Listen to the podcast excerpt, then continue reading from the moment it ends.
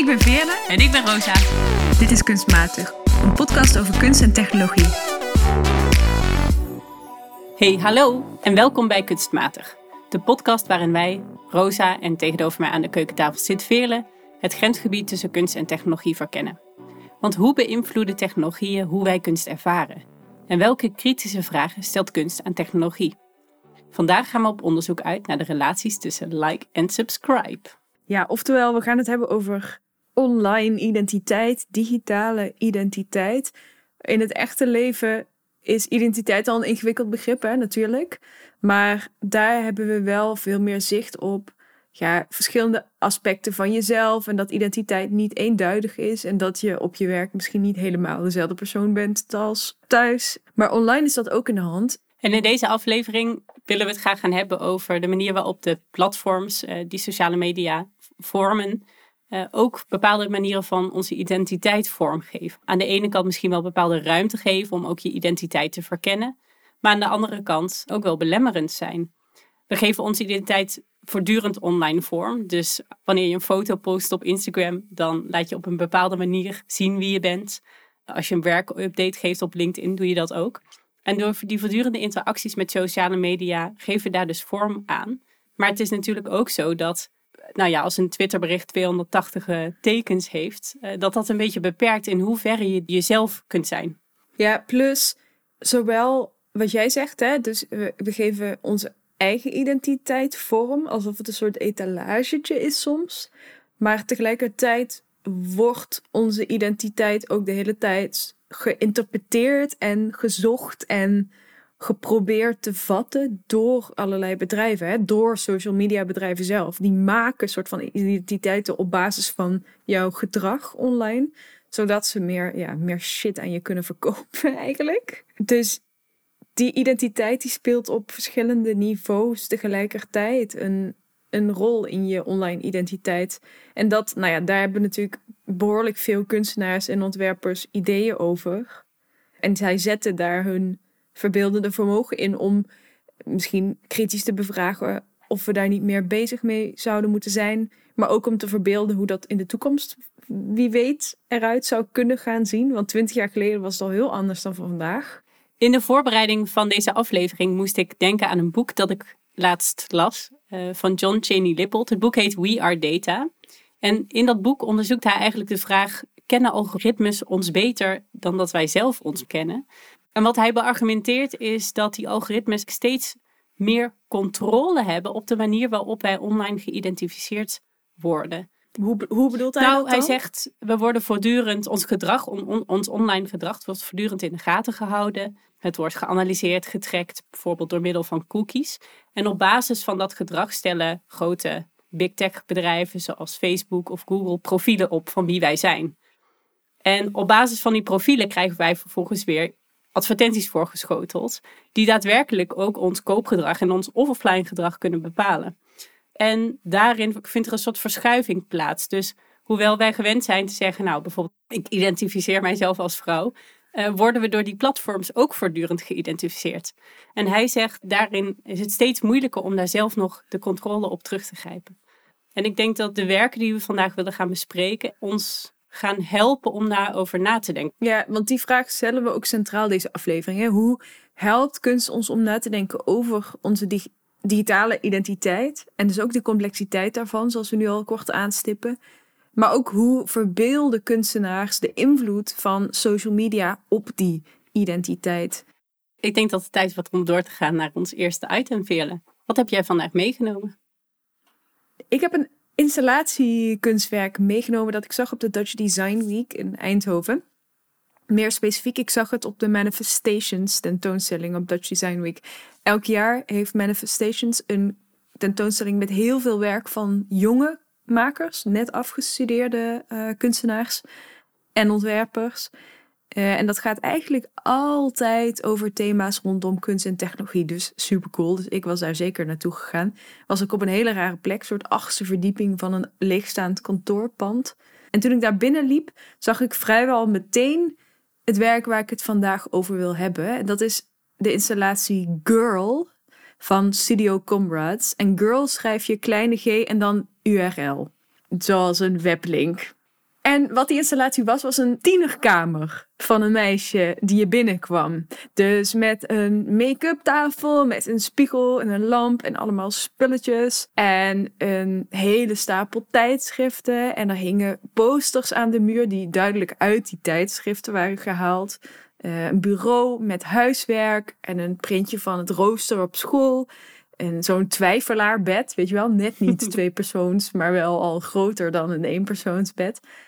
En dat was de installatie. Daar liep je in rond. Alleen was het meteen duidelijk dat het niet een tienerkamer van nu was, maar eentje uit de toekomst. Uh, het werk is namelijk een, een verbeelding van een tienerkamer uit het jaar 2032, dus tien jaar van nu. Uh, een soort speculatieve tienerslaapkamer. Uh, en het kunstwerk bestaat dus uit die installatie, maar die installatie is opgebouwd uit alle spullen eigenlijk die er in die kamer zijn, die, uh, die Studio Comrades heeft ontworpen. Dus een tiener magazine met 80 pagina's aan artikelen en advertenties en van alles.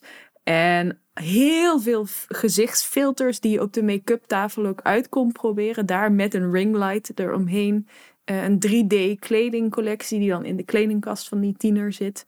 En diverse op, op, op maat gemaakte ja, objecten. Dus echt parfums en mascara's en alles binnen het thema uh, in de toekomst. En voor mijn begrip, je kon daar doorheen lopen. Mocht je ook dingen aanraken? Ja, je kon door de tijdschriften bladeren. En je kon ook die ringlight met de... Daar stond ook echt een telefoon geïnstalleerd die jij kon gebruiken om gezichtsfilters uit te proberen. Je kon een QR-code scannen met je eigen telefoon, zodat je die ook zelf mee naar huis kon nemen. Er was een QR-code die je kon scannen, waarbij je daarbij met de augmented reality een soort een technologisch huisdiertje verscheen in de kamer. Dus ja, je kon, uh, je kon echt gewoon rondlopen alsof het de kamer van een vriendin van je was geweest. Klinkt heel spannend. Ja, heel spannend. Vooral ook heel grappig in eerste instantie. Uh, want er waren echt hele komische details. Bijvoorbeeld de posters aan de muur, dat waren van die hitkrantposters. Weet je wel, van dat dunne papier met dan hotte mannen zogenaamd. Alleen hier waren het dan bijvoorbeeld, was het bijvoorbeeld een oude foto van Steve Jobs, die dan zo stond te poseren toen hij nog jong was. En van Mark Zuckerberg. En dat stond dan bij Data Daddy. Het soort heel, heel flauw, maar wel precies de esthetiek van die posters op een meisjeskamer overgenomen. Um, maar het werk, ja, ik weet niet. Ik werd daar heel lang in, in rondgelopen, omdat er zoveel details waren die heel grappig en herkenbaar waren. Want ze hadden dus een groot onderdeel van, uh, van de installatie, is dus dat magazine met heel veel artikelen erin helemaal bedacht door de makers. Maar ik, ja, ik vond het zo komisch en ik wil ook echt even iets aan jou voorleggen, Roos. Want in dat, uh, in dat magazine stond uh, ja. een quiz. Want dat staat altijd in de Tina en in de Cosmo Girl. En al die dingen stond altijd een test. Nou, misschien wel leuk om te vertellen aan uh, de personen die nu aan het luisteren zijn. Phil en ik zijn al vriendinnen sinds de brugklas. Dus ik kan me wel echt meerdere sleepovers herinneren. Dossierpartijtjes waar we dan zo'n uh, aan het einde zo'n Cosmo Girl invulopdracht gingen maken samen. Die dan, dat je van tevoren dacht, dit is Sowieso. heel flauw. Dan ging je oplezen, was het eigenlijk echt heel grappig. We hebben dit echt veel gedaan. Ja, en do doodserieus hè. Al die dingen invullen en dan toch stiekem wel nieuwsgierig zijn naar wat er uitkomt. En ook, nee, dit klopt niet. Nou ja, precies zo'n test stond in dat tijdschrift. Maar dan dus tien jaar van nu in de toekomst. Want het is de Who is your ultimate lover hashtag goals quiz. Oké, ik ben benieuwd. Hij is helemaal in het Engels. Ik ga wel vertalen. Ik ga niet alle vragen met je doen, maar even een paar vragen. En ik denk dat we dan wel een goede indicatie hebben van wie jouw ultieme lover uh, zou zijn in, in 2032. Heel benieuwd. Wat is jouw favoriete vak op school? Je moet je even weer terug verplaatsen in je 14-jarige zelf, hè? A. Blockchain economics. B. Coderen. 3 internetantropologie. Of vier, AI dictation. Dus uh, AI uh, dicteren. Ja, dan uh, drie, internetantropologie. Of C. Oké, okay, internetantropologie. Alright, alright. Um, dan, kies een romantische activiteit. A. Je gaat naar een NFT collectors bijeenkomst. Twee. Extensive texting. Dus lekker lang sms'en met elkaar. Drie, samen zijn. Us against the real world. Of, of D, lange telefoongesprekken. Oeh. Ja. C of D? Ik moet één kiezen. Eh, C. Weer Ja, C. romantisch, weer C. hè? Ja. Ja, weer C. Oké, oké, oké. Even kijken, nog één vraag. Pick your safe space of choice. 1. A. Social media. 2. The Girl Magazine. Die je op dat moment leest. 3. Je favoriete videogame. Of 4. Je slaapkamer. Oh, sowieso vier. Je ja. slaapkamer. Ja, kijk, zie je, nou ben je toch verdeeld, maar ik zal je vertellen dat je, je, je hangt nu dus tussen de meta-fella in en de helpdesk hottie. Want die helpdesk hottie, die kan natuurlijk eindeloos telefoneren met je. Maar Metaverse, eh, wat was het? Vella? De metaverse Had ik helemaal niet fella. Ja. Ja, nou ja, ik, ik moest hier zo. Ik vond dit zo grappig en herkenbaar. Want het heeft zo succesvol die, die, die formule ge- gespiegeld. Die altijd in die tijdschrift En ook in de verwoording. Ik bedoel, Maar- zo Vella. En het, het ging altijd over hunks en eh, hot chicks en zo. ook die vakken van school, die kwamen dan weer terug op een andere plek in de kamer. Dus ook op het prikbord stond dan het rooster van deze tienermeid. En daar stonden dus inderdaad allemaal vakken in, zoals blockchain economics en coderen en digitale kunst, geschiedenis eh, en robotics. Dat stond dan allemaal in dat rooster alsof het vakken waren. En wat ik wat is een hele, ik vond het een hele lieve en grappige en herkenbare installatie Mhm. ergens. Dus het was niet dystopisch of zo. Maar tegelijkertijd, wat ik er interessant aan vond, was dat het soort eigenlijk allemaal hetzelfde was gebleven. Dus het was niet fundamenteel verschillend met ja, 2005 of 2006, toen wij die tijdschriften zaten te lezen. En dat kan je ook wel lezen als een soort, als een vorm van kritiek in zekere zin. Zo van, het blijven jonge meisjes die met die norm meegaan, waar die nog steeds een tijdschrift lezen. Dat gaat over het mooier maken van je gezicht en op welke jongen je valt. Niet eens dat opengebroken hebbende, zeg maar. Ehm, alleen dan met, met digitale technologie helemaal daarin doorverweven. En het feit dat je dus allemaal filters hebt die je die dag op kunt doen, omdat je toch alleen online les hebt. Dus ik vond, het was een hele speelse tentoonstelling, maar tegelijkertijd erop terugkijken dacht ik ook, oeh, ergens is het ook wel weer realistisch. Dat we altijd maar denken, oh ja, vooruitgang en alles wordt anders. Maar misschien wordt alles helemaal niet anders. En moet daar heel veel ander werk voor gedaan worden als we bepaalde sociale normen willen doorbreken. Zeg maar. Daar gaat technologie misschien alleen maar op inspelen en dat tijdschrift extra Ja. flashy maken. Ja, dat vind ik wel heel interessant. Dat idee van technologie als progressie. En dan zo'n tienermeisjeskamer waarin je ziet dat bepaalde dynamieken gewoon heel erg hetzelfde blijven en niet worden opengebroken en niet echt in vraag worden gesteld. En ik weet niet, het feit dat het hier om een tienerkamer gaat, is zo Mhm. treffend. Omdat die groep is, als je het hebt over digitale identiteit, zo'n belangrijke groep. Eh, juist omdat het de mensen die nu opgroeien en nu tieners zijn, digital native zijn. Wij zaten net op het randje. Als in, ik kan me niet echt een leven zonder computers voorstellen, maar Wel wel zonder social media. ik kan me wel, wel zonder social media, kan ik me wel, weet ik wel nog heel goed. Ehm, dus dat is net anders. Maar die generatie die nu opgroeit, die weet niet beter. En daar zijn natuurlijk allemaal gesprekken over dat die alsnog opgeleid moeten worden in mediawijsheid. En dat je heus niet zomaar weet wie daarmee om moet gaan. Maar het is wel een ingewikkelder gesprek geworden. Ook omdat die online identiteit, denk ik, zeker voor de jonge generatie, nog een veel belangrijkere rol speelt in hun identiteit, in, in zijn algemeenheid, in zijn totaliteit. Ja, daar heb je gelijk van. En dat, dat werd ook wel zichtbaar in deze installatie. Als in, het was letterlijk, het liep in elkaar over. Het was een fysieke installatie, maar waarin er op de kaptafel een telefoon geïnstalleerd stond, omdat dat een stuk is waar je je make-up kon doen, weet je wel? Of die kledingkast die bestond voor een deel uit digitale outfits. Dus dat inderdaad dat zichtbaar maken van dit is niet een soort extra, een soort verlengstuk van je identiteit, maar een inherent onderdeel van je identiteit. Ik denk dat het een hele realistische speculatie is en dat dat voor een deel al aan de hand is. Niet in de zin van dat uh, tieners van nu een digitale modecollectie hebben in hun kast. Nee, tuurlijk, dat is nog niet het geval. Maar dat inzichtelijk maken en dat invoelbaar maken, dat is een heel realistische speculatie wel. En voor een deel misschien nu ook al aan de hand. Wat ik ook mooi vind aan het verhaal dat je vertelt over deze installatie, is dus dat de tiener centraal staat. En tieners zijn bij uitstek mensen die heel erg op zoek zijn nog naar, naar wie ze zijn, naar hun identiteit.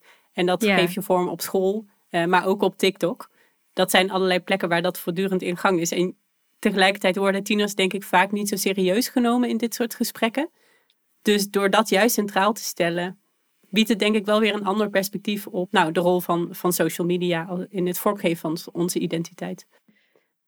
Als ik je verhaal hoor, heb ik ergens het idee dat tieners best wel serieus worden genomen in die installatie. Is dat ook hoe jij het zo hebt ervaren? Ja, ja, jawel. Ze, wo ze worden niet belachelijk gemaakt, maar er wordt wel een beetje mee gelachen. Maar ik had dus meer het gevoel dat het niet zozeer uitnodigde om tieners van nu of tieners van de toekomst uit te lachen, maar meer om te reflecteren op wat het betekent om tiener te zijn. En wat een grote rol identiteit speelt in het tiener zijn. En de gelaagdheid van de installatie voor mij zat in die herkenbaarheid. In het feit dat ik één op één dingen herkende, zoals die suffe quizjes uit mijn eigen tienertijd. Uh, en dat ik daar in het moment dat we dan bij jou op zolder op de slaapkamer zo'n test zaten te doen, natuurlijk nooit nadacht over, oh, dit, dit is een stukje van het uitzoeken van mijn identiteit. Maar dat is nu, als ik in zo'n installatie rondloop, wel dat ik ineens denk, ja, natuurlijk is dat wel zo. Uh, natuurlijk was dat altijd zo. Wat je leest, uh, wat voor quizjes je doet, wie je ziet, welke make-up of kleding je om je heen ziet. Dat zijn allemaal stukken identiteit. En dit, dit werk nam heel serieus dat die identiteit, die identiteit nu uit nog meer stukjes bestaat. En dat in de toekomst misschien nog voor een groter deel online uh, plaats zou vinden. En dan met een soort knipoog hadden natuurlijk ook allemaal vakken in het rooster staan. waarvan je voor een deel zou kunnen beargumenteren dat dat niet zo'n slecht idee zou kunnen nee, zijn. Nee, absoluut niet. Ik bedoel, achteraf gezien baal ik er enorm van dat ik niet ben gaan coderen op de middelbare school.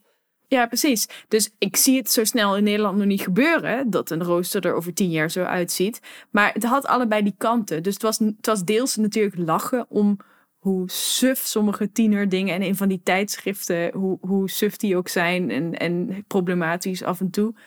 Tegelijkertijd stelde het ook wel vragen over, was het ergens ook optimistisch? In de zin van, het zou ook tof zijn als sommige van deze dingen over tien jaar daadwerkelijk gerealiseerd zouden zijn. Want het is belangrijk om die online identiteit serieus te nemen. Dat leek het werk uh, bovenal uit te willen stralen. Ik denk dat het uh, tijd wordt om de vraag te stellen. Vele, vond jij dit werk, uh, de tienerkamer, kunst of vond je het matig? Kunst, uiteraard. Ja, ik, um, ik vond het een super verrassende installatie. Ik had nog nooit zo'n soort werk gezien zelf.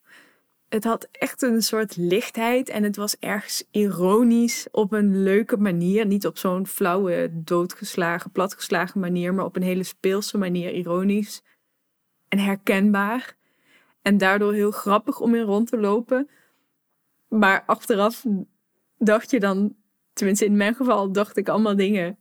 En bleef ik erover nadenken wat ik een heel goed, goede eigenschap vind van een kunstwerk. Als het en grappig en een bepaald soort lichtheid heeft, maar ook die kritische lading. Dus absoluut kunst. Heel interessante, heel interessante installatie. En wat mij betreft echt het hoogtepunt van die, van die Manifestations tentoonstelling dit jaar. En Rosa, wat heb jij meegenomen deze aflevering? Ik wil met jou graag een werk bespreken dat ik tegenkwam op een tentoonstelling in Dortmund, in het HMKV.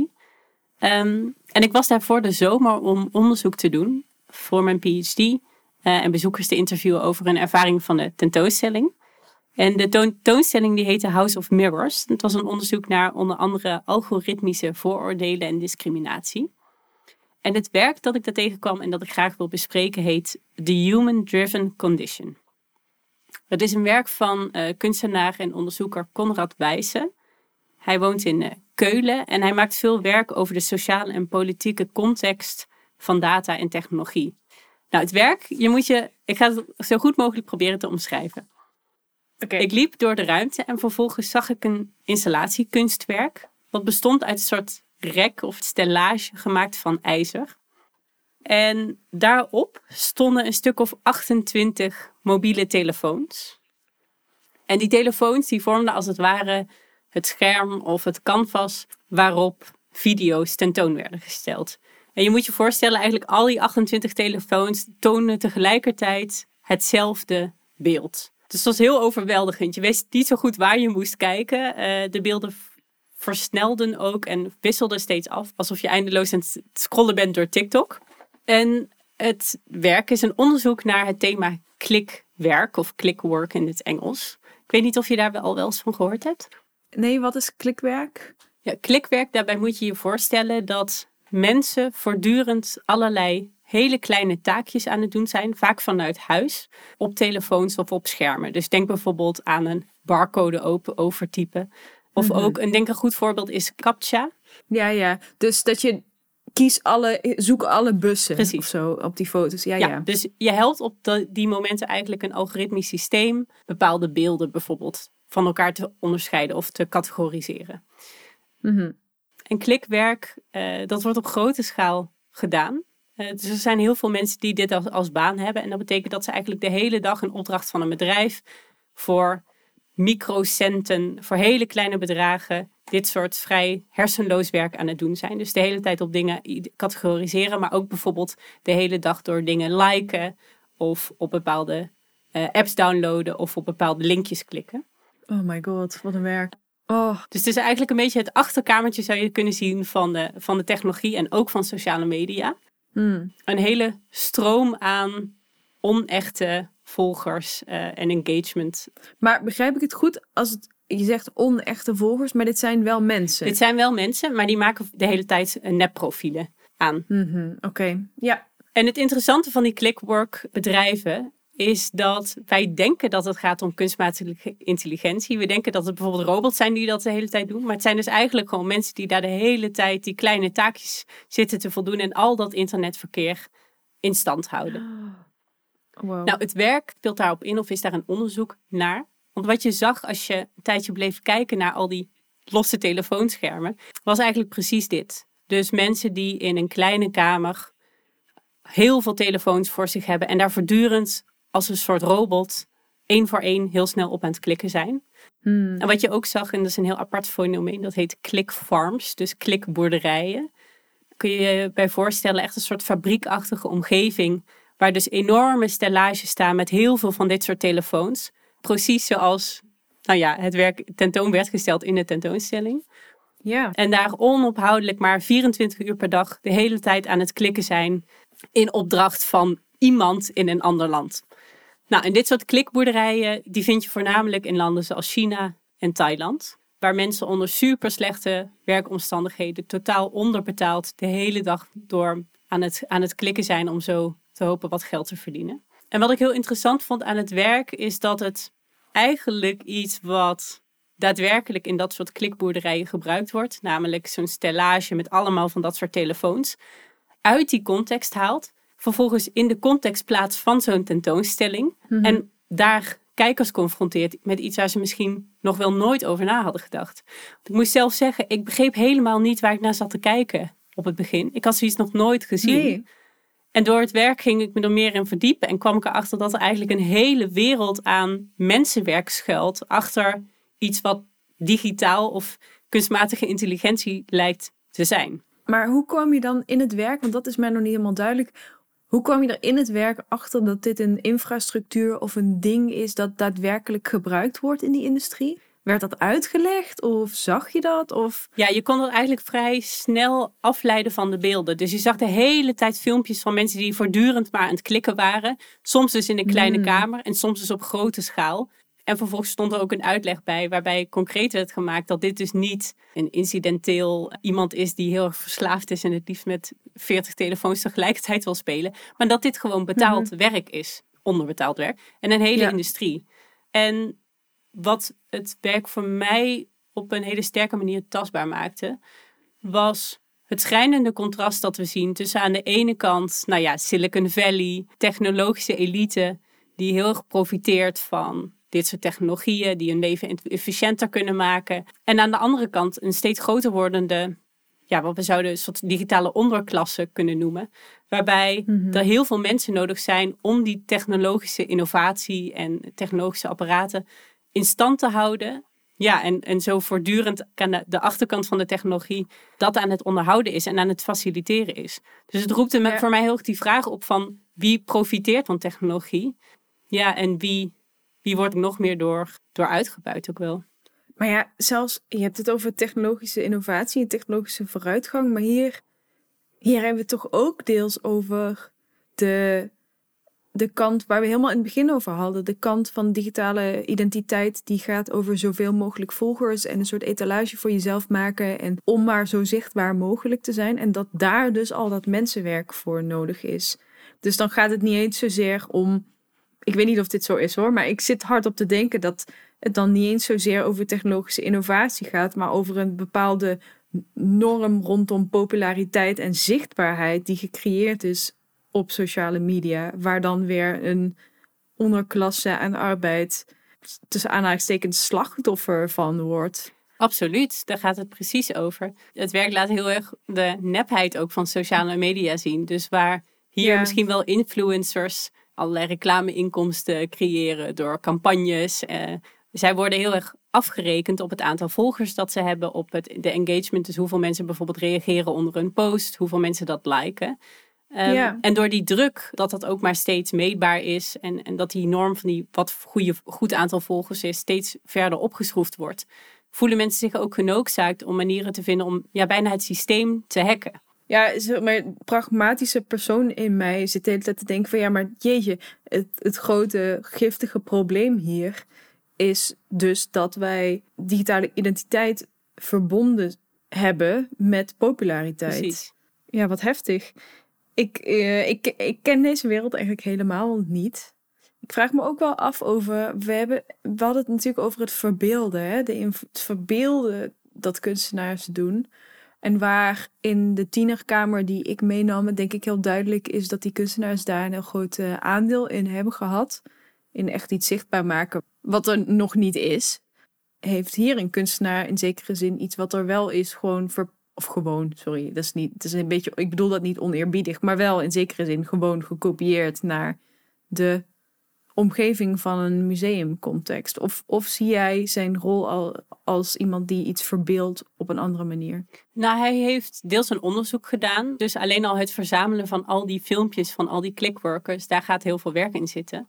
Eh, en Ja, de keuzes natuurlijk. die hij daarin Ja. heeft gemaakt om tot dat beeldessay eh, te komen, daar zit denk ik wel veel artistieke input. En ik denk juist dat het Mhm. heel sterk is dat hij niet zo heel veel veranderd heeft, maar juist heel erg is gebleven bij de manier waarop die clickwork farms daadwerkelijk die telefoons ook soort van tentoonstellen of in gebruik nemen. Want het is iets wat voor sommige mensen gewoon hun dagelijkse werkplek is, maar voor heel veel mensen, ik bedoel, jij had er nog nooit van gehoord. Ik had er misschien wel eens van gehoord, maar ik had echt geen idee dat die clickwork eh, farms bijvoorbeeld bestaan. En ik had ook echt geen idee hoe het eruit zag. Ik wist helemaal niet in de eerste instantie waar ik naar aan het kijken was.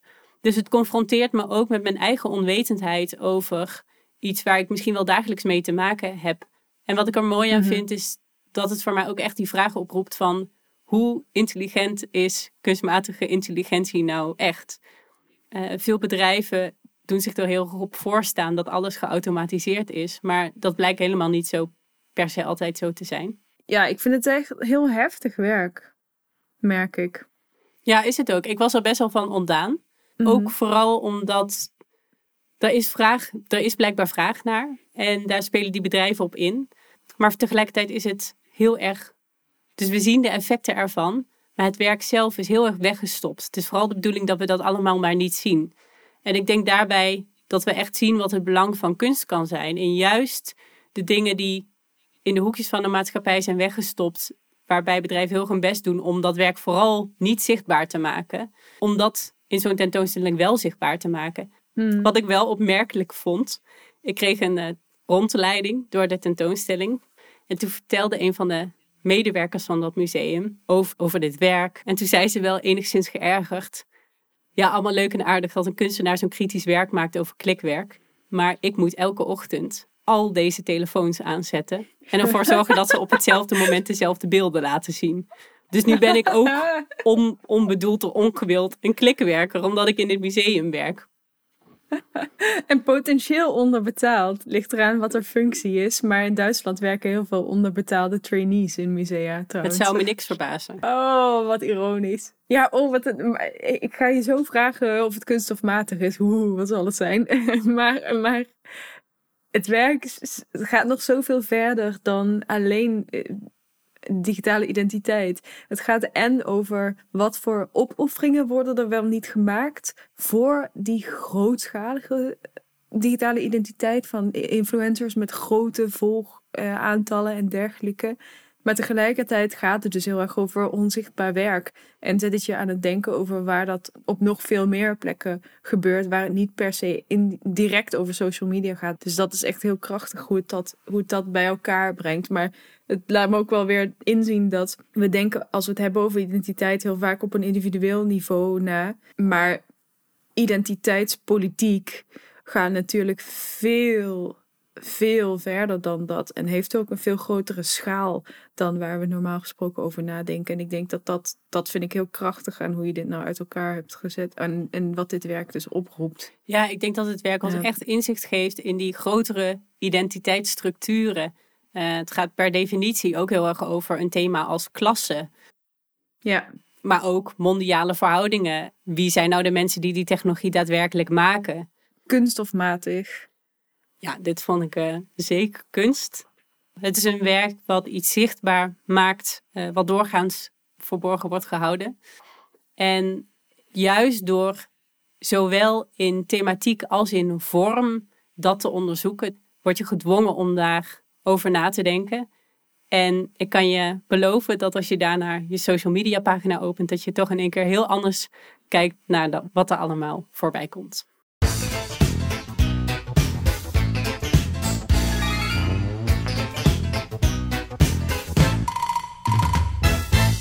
En de gekke gadget hebben we dit keer een gadget die wel heel goed aansluit bij het werk dat jij meenam, Rosa.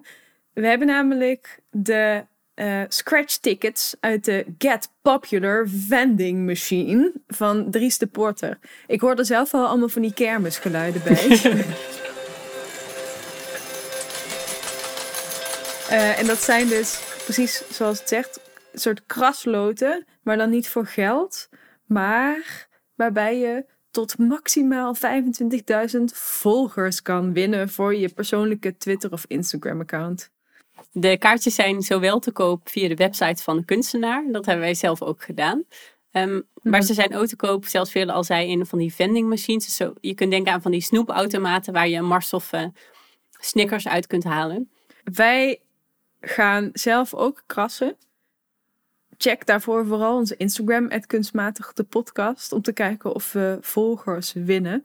Maar ik moet zeggen dat na wat ik net gehoord heb, nou ja, daarvoor zou ik het al nooit daadwerkelijk hebben gebruikt, want een beetje creepy natuurlijk.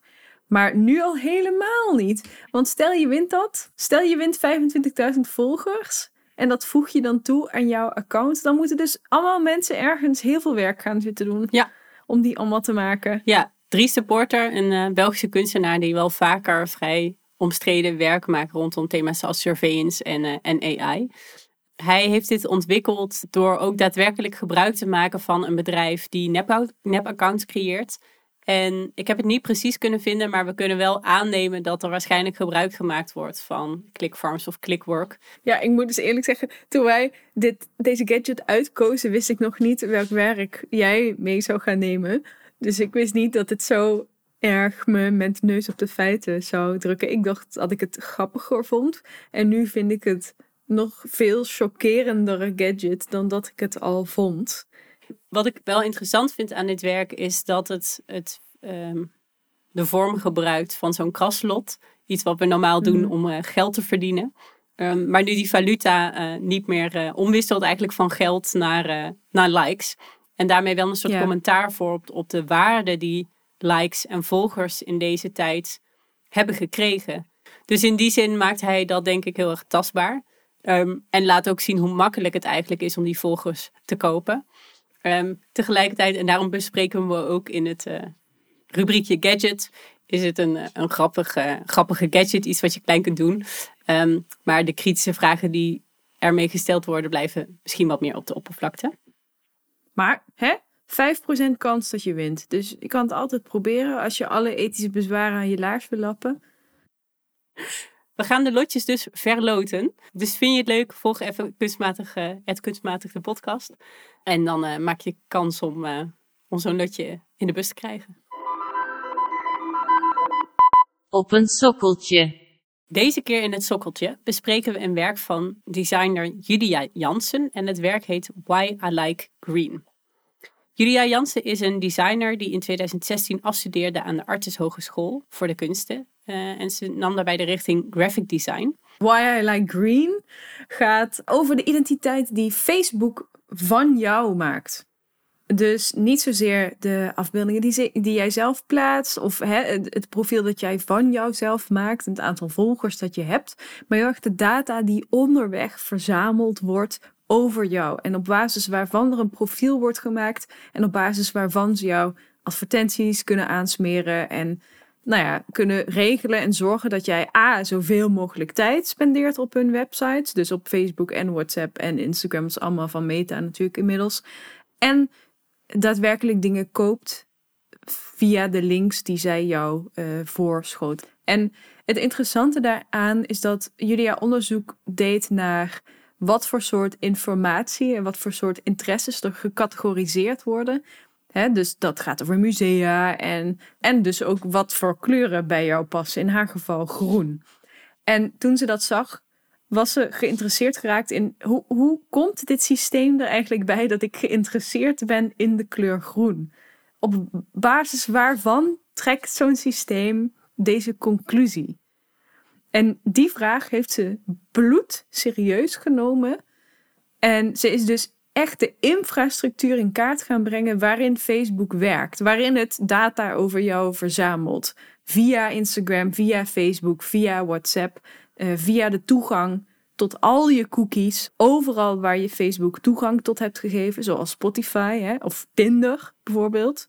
En door al die informatie een infrastructuur van te bouwen en dingen aan elkaar te verbinden, trekt dat systeem dus conclusies over jouw identiteit. Conclusies zoals zij houdt van groen.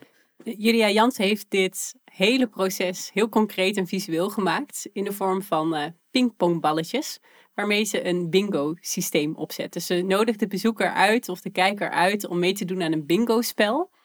Uh, en daarbij allerlei pingpongballen te verzamelen. Ze heeft er in totaal voor de installatie geloof ik iets van 4000 uh, gemaakt.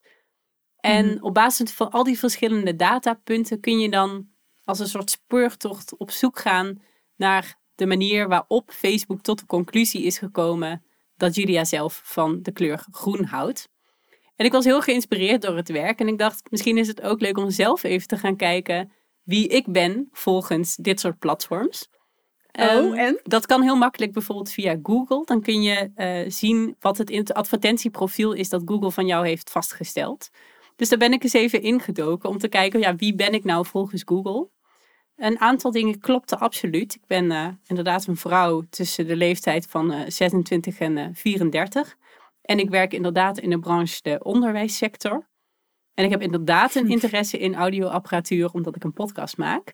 En, en bloemen. Maar ik zag ook een ah. aantal categorieën waar ik me echt totaal niet in kon vinden. Zoals buitensport. competitief videogamen. Nou, dat doe ik absoluut nooit. En auto's en voertuigen. Huh? Dus ik vond het wel heel confronterend om te zien dat ik volgens Google uh, een, een buitensporter ben die houdt van competitief videogamen en auto's. Zo zou ik mezelf niet zo zelf identificeren. Maar dit heeft daadwerkelijk wel invloed op nou ja, echt van de advertenties die ik zie tot de YouTube-filmpjes die ik krijg voorgeschoteld. Um, ja. En ik denk dat een werk zoals Why I Like Green van studio Julia Jansen, door dat heel erg tastbaar te maken en concreet te maken, ons aanzet om eens even na te denken over, ja, wat, waar bestaan die profielen nou eigenlijk uit? Hoe komen ze tot hun conclusies? Wat voor invloed heeft dat ook? En daarmee stelt ze ook een grotere vraag die heel erg van belang is, denk ik, namelijk over het gebrek aan transparantie van dit soort systemen. Ehm, het was zeker niet altijd zo dat je je eigen advertentiepagina op Google kon gaan inzien. En het is ook niet iets wat mensen veel doen. Ehm, maar dat neemt niet weg dat ik alsnog niet kan zien hoe Google tot die conclusies is gekomen. Uh, ik vind dat dit werk op een heel goede manier die twee kanten van uh, online identiteit met elkaar in contrast stelt.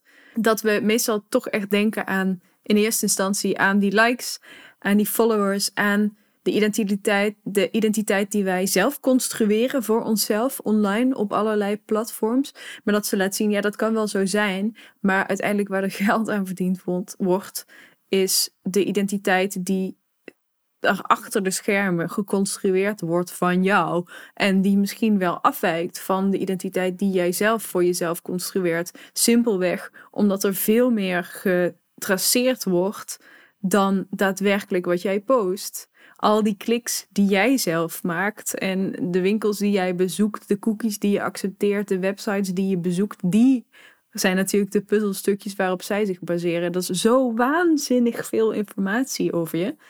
En het is ergens grappig hè, als, als er dingen tussen aanhalingstekens fout zijn. Dus als ze denken dat jij van buitensport houdt, terwijl ik ken jou, jij bent niet van de buitensport.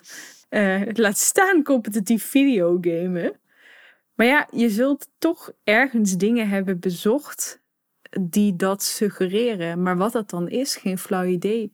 Uh, in, zekere zin is die vraag van why I like green natuurlijk dezelfde vraag. Ik weet niet of ze van groen houdt. Misschien houdt ze wel helemaal niet van groen en is dit daarom de titel geworden. Dat lijkt onschuldig, maar is het niet. Ja, ik zag een interview met haar en daarin zei ze dat ze daadwerkelijk ook wel van de kleur groen houdt. Maar dat ze zelf ook vermoedde dat bijvoorbeeld zoekopdrachten naar de Groene Amsterdammer of Greenpeace hmm. wel eens zouden kunnen hebben bijgedragen aan, aan deze uitkomst.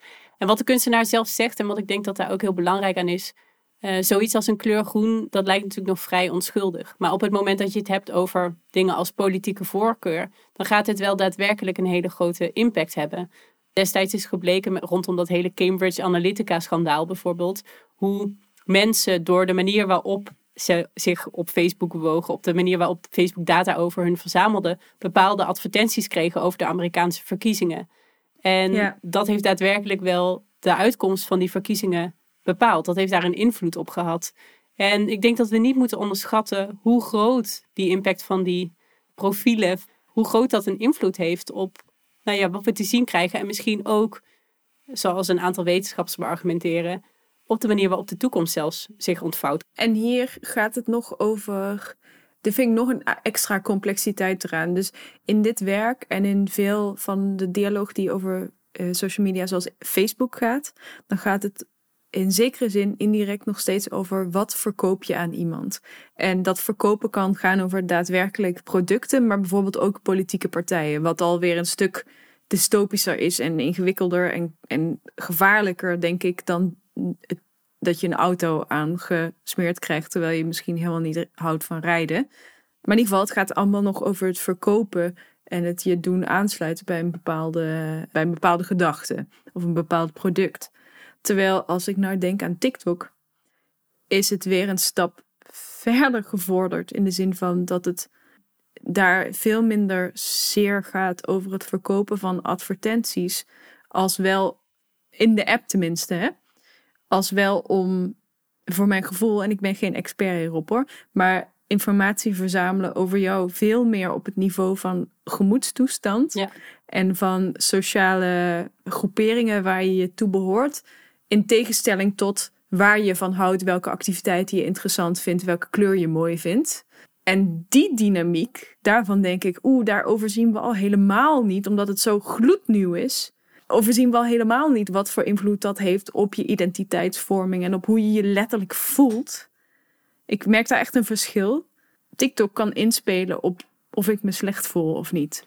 Dus als je al slecht voelt, krijg je nog steeds sneller waarschijnlijk filmpjes te zien die gaan over depressies bijvoorbeeld. Mentale problemen, ja. ja.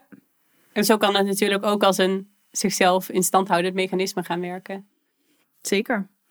En dat allemaal eh, aan de hand van een aantal pingpongballetjes uh, en een bingo-spel. Wij vinden dit werk absoluut een sokkeltje waard, omdat het hele grote vragen oproept op een hele speelse en interactieve wijze. Foe, uh, ik moet zeggen dat ik het een zwaardere aflevering vond dan dat ik van tevoren had gedacht. Ik bedoel, ik weet heus wel dat digitale identiteit heel complex is en dat het een moeilijk onderwerp kan zijn. Maar ik dacht ook wel, oh ja, social media en we gaan het hebben over hoe mensen zich profileren. Maar het gaat veel meer over de politiek die ja, onder de oppervlakte zich afspeelt op allerlei niveaus en op allerlei manieren. En hoe dat enerzijds te maken heeft met hoe wij denken over identiteit en populariteit, maar ook winst maken op wie wij zijn of wat we zijn of wat we leuk vinden of hoe we ons voelen. Ja, het is een ingewikkelde kluwe. Wat ik interessant vind aan de werken die we deze aflevering hebben besproken, is dat ze ons een bepaald gevoel geven, maar daardoor eigenlijk inzicht geven in de grotere structuren die verbonden zijn met dit soort social media platforms en met online identiteit. Dus we gaan voorbij aan alleen wat je ziet op de oppervlakte, maar ze duiken juist wat verder erin en laten ons iets begrijpen van die grotere systemen en structuren die, uh, die daarmee verbonden zijn. En ik, zeker als het gaat om social media, het is iets wat je daar helemaal inzuigt. En ik heb het idee dat de kunstwerken die we bespraken, elk op een eigen manier ervoor zorgen dat we juist even wel stilstaan bij de, de mechanismen die daar eigenlijk aan de gang zijn. En ook wel de machtsstructuren die daarmee verbonden zijn. Ja, en inderdaad, het zet me aan het denken, al die werken op hun eigen manier zetten me aan het denken over hoe we uh, niet zozeer moeten nadenken over technologische vooruitgang en of digitale media slecht is of goed. Want dat is al lang niet meer aan de orde.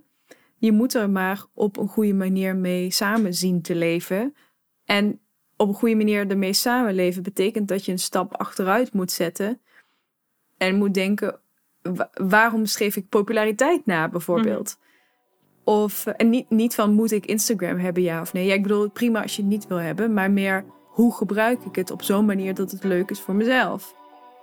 Het voelt heel tegenstrijdig dat wij dan nu via onze Instagram kraslotjes voor 25.000, uh, waarbij je kans maakt op heel veel volgers weg te gaan geven. Maar we gaan het toch doen. en ook op onze Instagram zie je zoals altijd de beelden van de werken waar wij het over hebben gehad. En dan horen we jou natuurlijk weer heel graag terug bij de volgende aflevering van Kunstmatig. Doei!